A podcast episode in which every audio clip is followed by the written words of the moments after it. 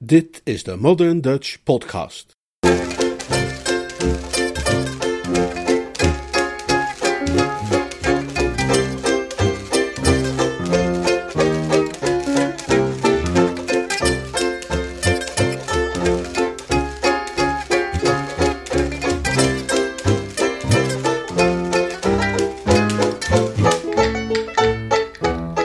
Gezelschap voor Gertrude. Verhaal van P.G. Woodhouse, vandaag het tweede en laatste deel. Vertaald en voorgelezen door Leonard Beuger. Singing in the bathtub, happy once again. Watching all my troubles go swirling down the drain.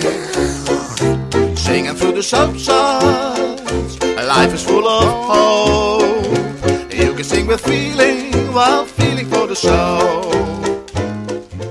Korte inhoud van het voorafgaande.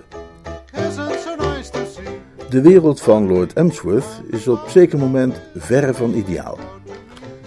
Niet alleen heeft zijn buurman Sir Gregory Parslow Parslow zijn varkensknecht George Cyril Wellbeloved weggelokt met de belofte van een hoger loon, maar zijn nicht Gertrude is naar kasteel Blandings verbannen vanwege een volgens haar moeder dwaze verliefdheid.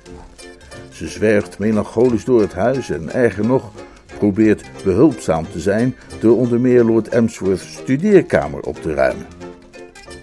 Tegelijkertijd is zijn jongste zoon, Freddie Threepwood, terug in Engeland om de hondenbrokken te promoten die zijn Amerikaanse schoonvader produceert onder de handelsnaam Donaldson's Hondenvreugd. Zijn verkooppraatje is zonder succes gebleven bij zijn hondenliefhebbende tante Georgiana, de moeder van Gertrude, wanneer hij zijn oude vriend uit Oxford, Spier Bingham, tegenkomt. Deze Spiermans, Freddy, is verliefd op Freddy's nichtje Gertrude, maar omdat hij maar een arme geestelijke is, heeft de familie de rijen gesloten en Gertrude verbannen naar kasteel Blandings. Geïnspireerd door een film die hij heeft gezien, stuurt Freddy Spier Bingham naar het kasteel onder de valse naam Ongeneugd. Gebaseerd op de naam van de hondenbrokken die Freddy verkoopt en die Lord Emsworth verkeerd heeft verstaan. Met als opdracht zich populair te maken bij de negende graaf. Lord Emsworth is aanvankelijk blij Gertrude minder droevig te zien en gecharmeerd door de bescheidenheid en hulpvaardigheid van zijn gast. Maar die worden hem echter al snel te veel. Bingham overdrijft zijn vriendelijkheden. Lord Emsworth begint zelfs de geestelijke gezondheid van de man in twijfel te trekken wanneer hij s'nachts wakker wordt en de kerel kushandjes ziet werpen in de richting van zijn slaapkamerraam.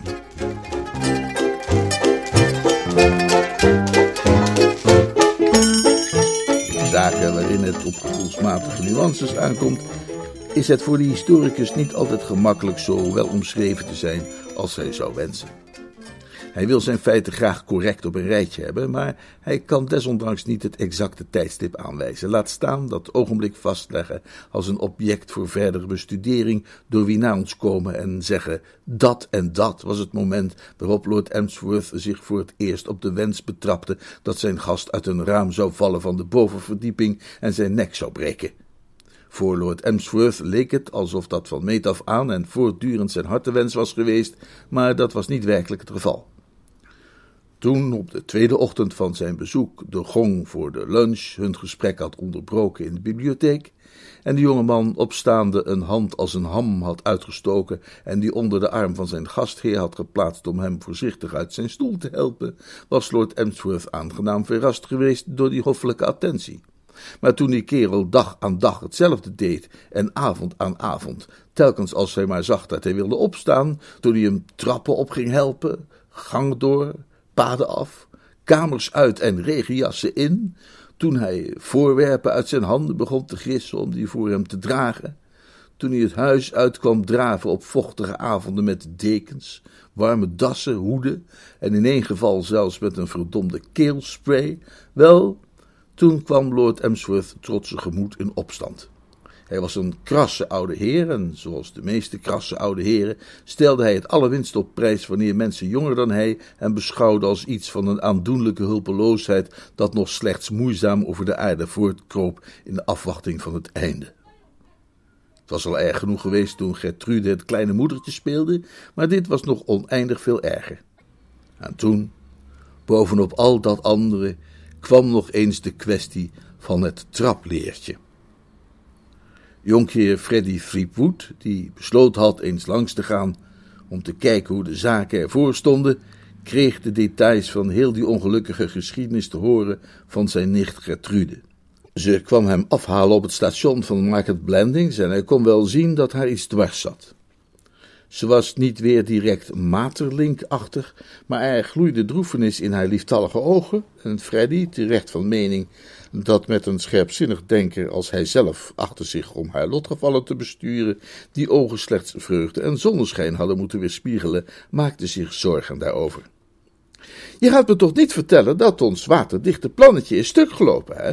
vroeg hij ongerust. Gertrude slaakte een zucht. Nou, ja en nee. Hoe bedoel je ja en nee? Mits correct uitgevoerd kan er niks aan stuk. Dit riekt naar onzorgvuldigheid. Heeft Spier zich goede maatjes weten te maken met je oom? Ja. Aan zijn lippen gehangen? Belangstelling getoond voor wat hij doet? Hem kleine diensten bewezen en dat twee weken achter elkaar? Grote hemel, mijn oude heer moet hem ondertussen beschouwen als een absoluut prijsvrakker. Waarom doet hij dat dan niet? Nou, ik zeg niet dat hij dat niet doet. Tot vanmiddag deed hij dat geloof ik ook wel. Tenminste, Rupert zegt dat hij oom Clarence vaak naar hem heeft zien staren met een soort talmende, haast smachtende blik. Maar toen dat van vanmiddag gebeurde, was hij daar niet erg blij mee, vrees ik. Wat van vanmiddag? Dat van het trapleertje.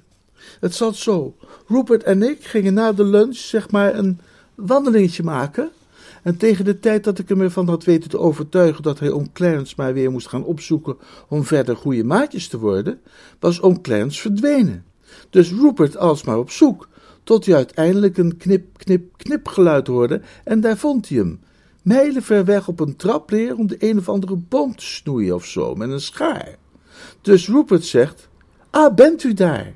En oom Clarence zei van ja, dat hij daar was. En Rupert zei, vermoeit u zich niet te veel? Zal ik dat niet even voor u doen? Ja, zei Freddy, dat is de juiste toon. Uh, ijver tonen, hè, vlijt. En toen? Nou, toen zei oom Clarence, nee, dankjewel. Althans, Rupert denkt dat het dankjewel was. En Rupert bleef daar zo'n beetje staan, een beetje praten. En toen dacht hij er plotseling aan dat hij oom Clarence nog moest vertellen dat jij gebeld had dat je vanavond zou komen. En toen deed hij dat. En toen moet oom Clarence op dat moment iets van kramp hebben gekregen of zo. Want hij kreunde opeens heel erg, zei Rupert. En hij kreeg een soort van rilling over zijn hele lichaam. Dat trapleertje begon ervan te wankelen. En Rupert schoot natuurlijk toe om het vast te houden. Maar ja, hij weet niet hoe het gebeurd is. Dat lattertje klapt opeens dicht als een schaar. En hij weet alleen nog maar dat oom Clarence het volgende ogenblik in het gras zat en er allemaal niks aan vond. Volgens Rupert. Hij had zijn enkel een beetje verstuikt en hij was nogal raar terechtgekomen. En alles bij elkaar, zegt Rupert, was hij niet helemaal meer het zonnetje in huis. Rupert denkt dat hij misschien wel wat sympathie heeft verloren. Freddy fronste zijn wenkbrauwen en peinsde. Hij voelde de teleurstelling van de generaal die zich in het zweet gesmeed heeft aan de plannen voor een machtige veldtocht, om dan te ontdekken dat zijn manschap het in de uitvoering laten afweten. Het is heel jammer dat het zo gegaan is. Een van de dominees hier in de buurt is pas geleden voor zijn gezondheid naar Zuid-Frankrijk gestuurd, en die parochie valt onder oom Clarence's bevoegdheid. Als Rupert die aanstelling nu maar had kunnen krijgen, dan zouden we kunnen trouwen. Maar ja, hij heeft in elk geval een of ander middeltje gekocht voor oom Clarence. Freddy schrok op. Een vrolijke uitdrukking verscheen op zijn zozeer gekwelde gelaat. Middeltje? Voor op zijn enkel. Hij had niets beters kunnen doen dan dat, zei Freddy enthousiast. Niet alleen toont hij zo een berouwvol hart, maar hij heeft de oude heer een medicijn gegeven en dat is spekje voor zijn bekje. Als mijn oude heer ergens dol op is, dan is het zelf doktertje spelen. In de regel probeert hij zijn geneeskrachtige vermogens uit op iemand anders. Twee jaar geleden heeft hij een van de dienstmeisjes een patentsalfje voor wintertenen gegeven, waarvan ze gillend het hele huis heeft doorgerend. Maar bij gebrek aan beter zal hij zich ongetwijfeld met net zoveel enthousiasme op zelfmedicatie starten. Die oude Spiermans heeft precies de goede zet gedaan. Toen hij voorspelde dat Lord Emsworth het middeltje dat hij had gekregen op prijs zou stellen, had Freddy gesproken vanuit een trefzekere kennis van zijn vaders karakter. De heer van Blandings behoorde tot de categorie van wolhoofdige oude heren die nooit gelukkiger zijn dan wanneer ze een beetje met geheimzinnige drankjes mogen experimenteren. In een minder kritisch tijdperk zou hij een Borgia zijn geweest. Pas nadat hij zich had teruggetrokken om te gaan slapen, trof hij de in papier gewikkelde fles aan op een tafeltje naast zijn bed, en toen herinnerde hij zich ook dat die pestilentie van een ongeneugd aan tafel iets gemompeld had over een spulletje voor op zijn geblesseerde enkel dat hij voor hem gekocht zou hebben. Hij scheurde het papier los en onderzocht de inhoud van de fles met gretig genoegen. Het was een groezelige, grijsgrauwe vloeistof die aangenaam klotste als je de fles heen en weer schudde. De naam op het etiket, Bleeks Balsem, zei hem niets en dat op zichzelf was een aanbeveling. Zijn enkel deed al lang geen pijn meer en voor sommige mensen zou dat misschien een argument geweest zijn om er dan ook maar geen balsem op te smeren. Niet echter voor Lord Emsworth. Hij decanteerde een niet onaanzienlijke hoeveelheid in de palm van zijn hand. Hij rook eraan. Het spul had een sterk, robuust, opwekkend soort geur. De vijf minuten die volgden besteedde hij aan het aandachtig insmeren van zijn enkel. Ten slotte deed hij het licht uit en ging slapen.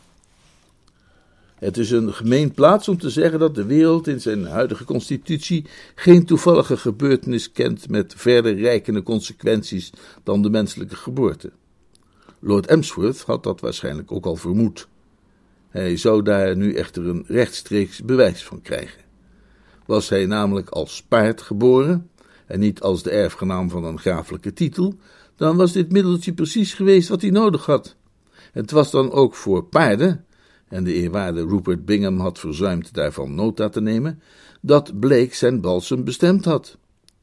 Nu weet een ieder die wel eens oppervlakkig iets te maken heeft gehad met paarden en graven, dat een belangrijk verschil tussen die twee daarin gelegen is dat de laatstgenoemde een veel gevoeliger huid bezitten. Zodoende bespeurde Lord Emsworth, toen hij om kwart voor twee ontwaakte uit een droom, waarin de roodhuiden hem aan de martelpaal hadden gebonden en juist het vuur hadden ontstoken, een heftige pijn in zijn rechter onderbeen. Hij was enigszins verbaasd. Hij had niet gedacht dat hij door die val van de ladder zo ernstig was verwond. Maar als een goede doe-het-zelf-dokter wist hij zich daar wel tegen opgewassen en nam hij onmiddellijk maatregelen om de kwaal te bestrijden. Hij schudde voor gebruik tot de fles van schuim bekte en wreef zijn enkel in met nog wat meer balsem. Hij bedacht dat hij de vorige keer wellicht wat zuinig geweest was en gebruikte daarom nu een stevige hoeveelheid. Hij wreef en kneedde een minuut of twintig en daarna probeerde hij weer te slapen. De natuur heeft van sommige mensen vlottere denkers gemaakt dan van anderen. Lord Emsworth was een bezitter van het meer bedaarde type hersenen.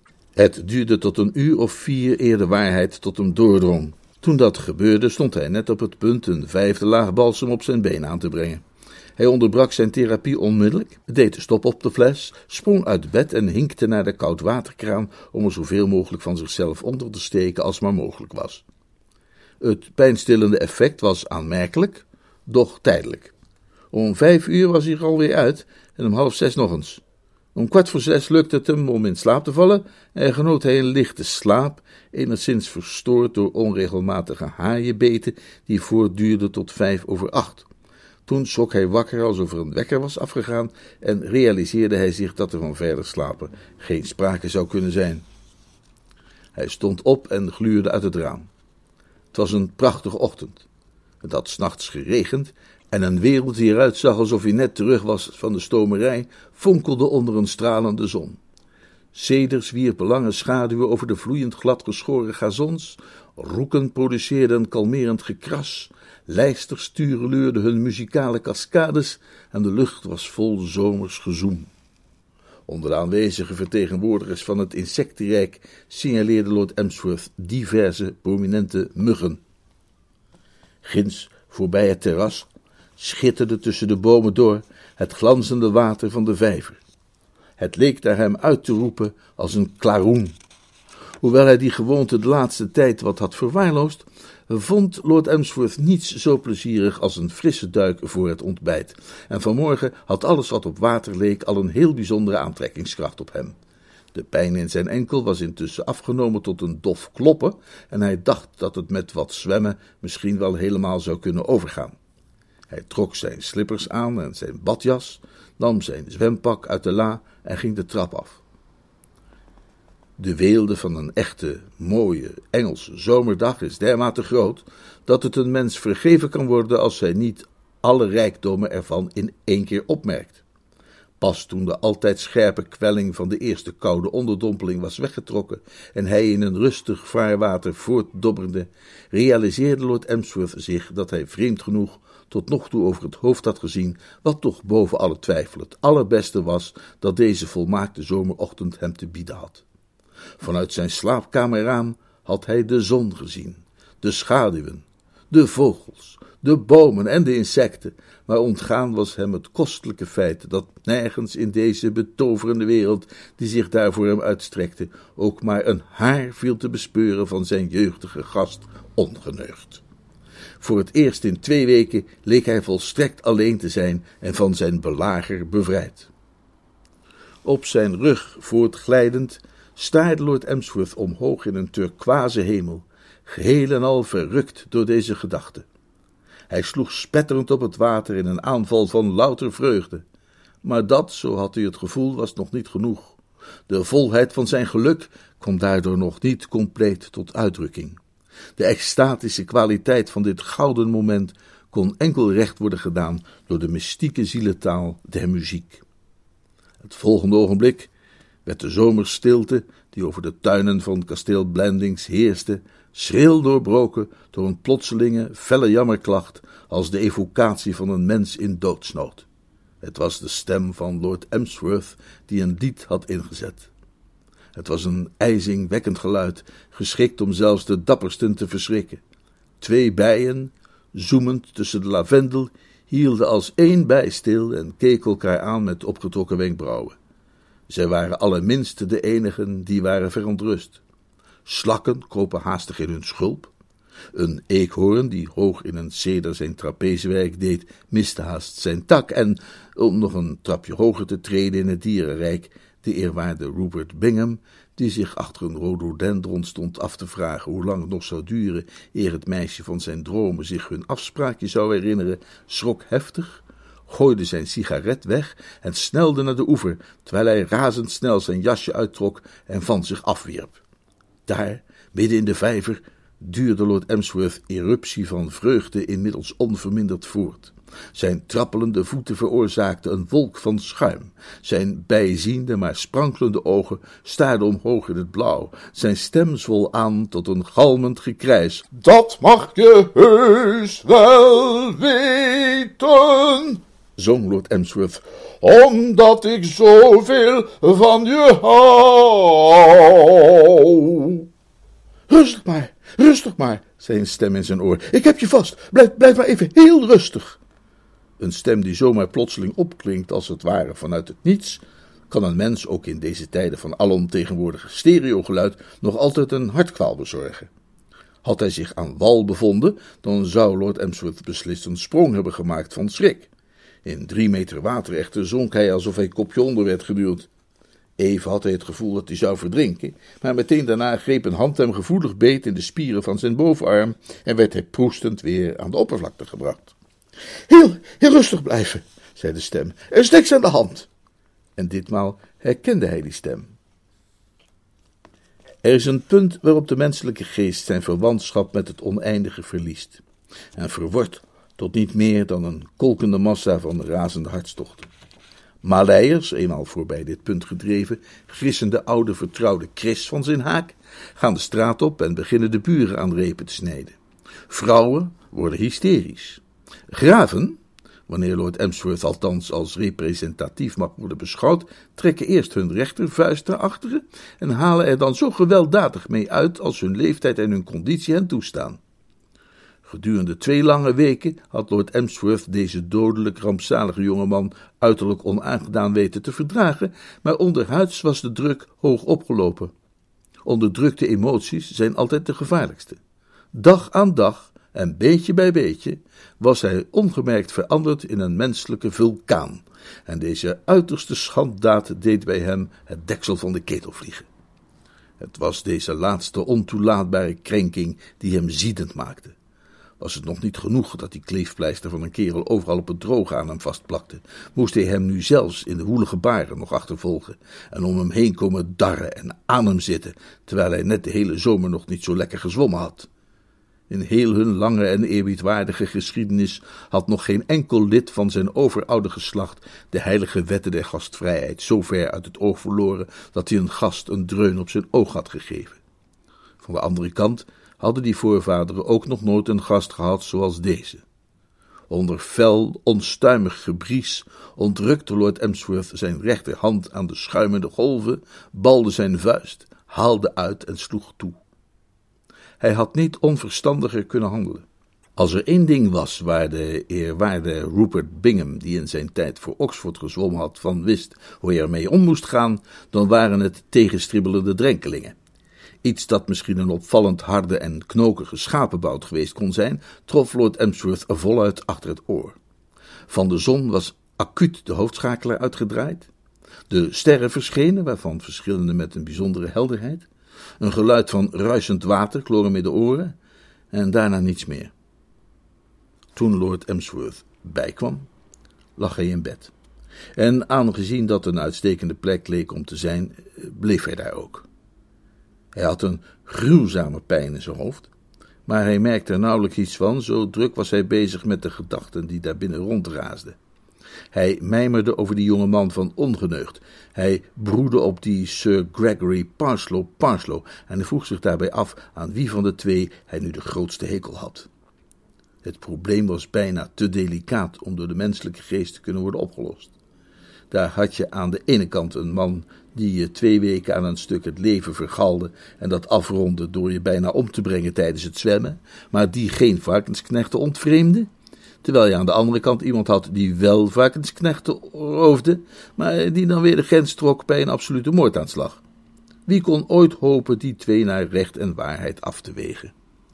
Zojuist was hem de balsem te binnen geschoten en hij vroeg zich af of daarin toch niet de beslissende factor school bij deze uitverkiezing van 's werelds grootste schandvlek, toen de deur openging en jonkheer Freddy Threepwood naar binnen slipte. Hallo, ouwe heer. Uh, Frederik, hoe voel je je? Nou, zo, uh, buitengewoon uh, ziek. Had erger kunnen zijn, beseft u dat wel? Nou ja, nou ja zeg. Zeemansgraf en zo? Er viel een korte stilte. Freddy drentelde wat door de kamer, pakte achtereenvolgens een stoel op, een vaas, een haarborstel, een kam, een doosje lucifers en frunnikte eraan. Daarna liep hij dezelfde weg nog eens terug en frunnikte overal nog eens aan in omgekeerde volgorde. Ten slotte kwam hij aan het voeteneinde staan van zijn vaders bed en ging daar overheen hangen. In het weinig welwillende oog van de patiënt zag het eruit alsof een afstotelijk beest dom over een heining staarde. Uh, uh, zeg, ouwe. wat, Frederik? dat was op het nippertje, hoor. Dat, je weet wel. Wil je je dappere redder niet bedanken? Lord Emsworth pulkte aan zijn sprei. Al, al, als die jongeman nog ooit in, in, in mijn buurt komt, dan, dan sta ik niet in voor de, voor de consequenties. Hè? Freddy staarde hem aan. Vind je hem niet aardig dan? Aardig? Als je het mij vraagt, is het de meest weerzingwekkende jongeling die ik ooit heb ontmoet. Het is de gewoonte om bij dit soort uitspraken de aanwezigen uit te zonderen, maar Lord Emsworth's gevoelens op dit punt waren dermate sterk dat hij zulks verzuimde. Freddy stelde dat hij een bied mocht wezen, maakte zich los van de bedrand, hervatte zijn zwerftocht door het vertrek, frunnikte aan een tandenborstel, een zeepbakje, een schoen, een boek over bolgewassen en een boordenknoopje. Uh, uh, zeg, ouwe. Wat, Frederik? Uh, dat is nou allemaal goed en wel, weet je, ouwe heer. zei jonker Freddy, die zijn vaste plaats weer had ingenomen om zowel morele als fysieke steun te ontlenen aan de bedrand. Uh, maar mij lijkt dat je na wat er gebeurd is toch eigenlijk geen bezwaar meer kunt hebben tegen hun verbintenis, zeg maar.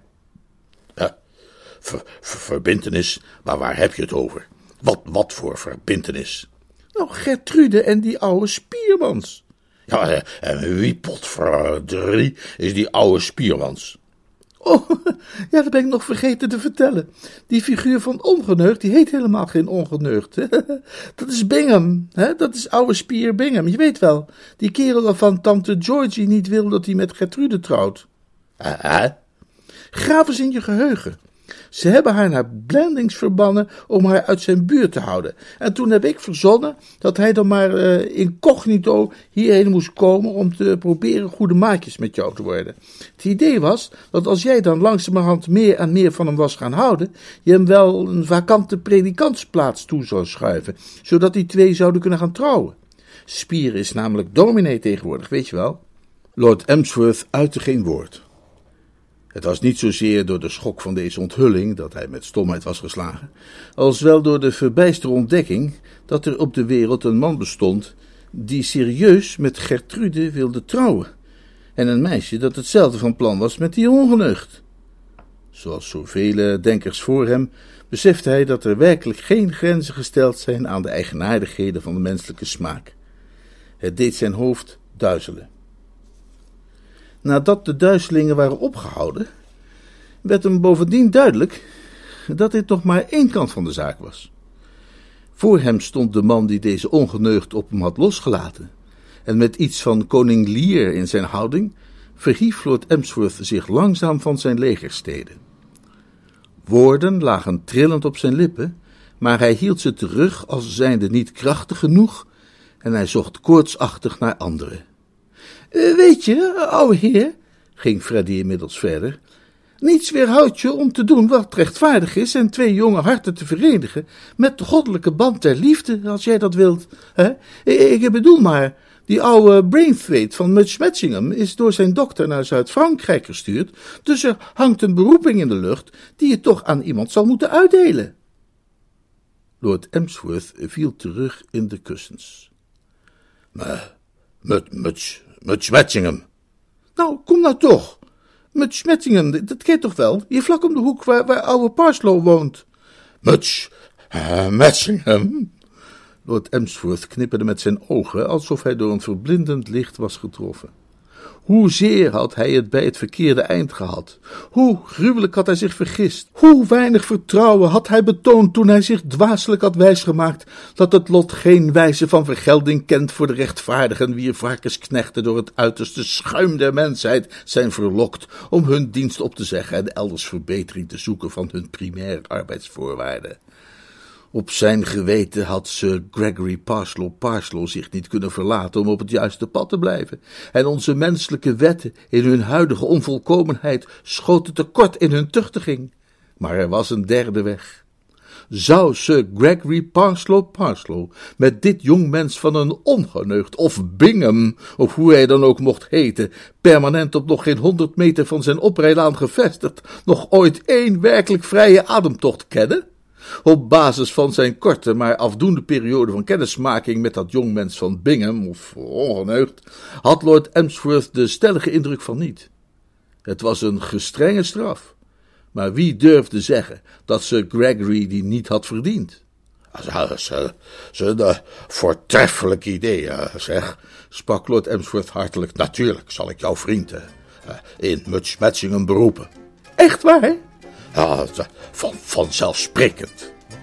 Te gekko, ouwe, zei Freddy. De dag gaat open als een gouden roos. Tearing out a tonsil just like a berry town. Never take a shower, it's an awful pain. Singing in the shower, like singing in the rain.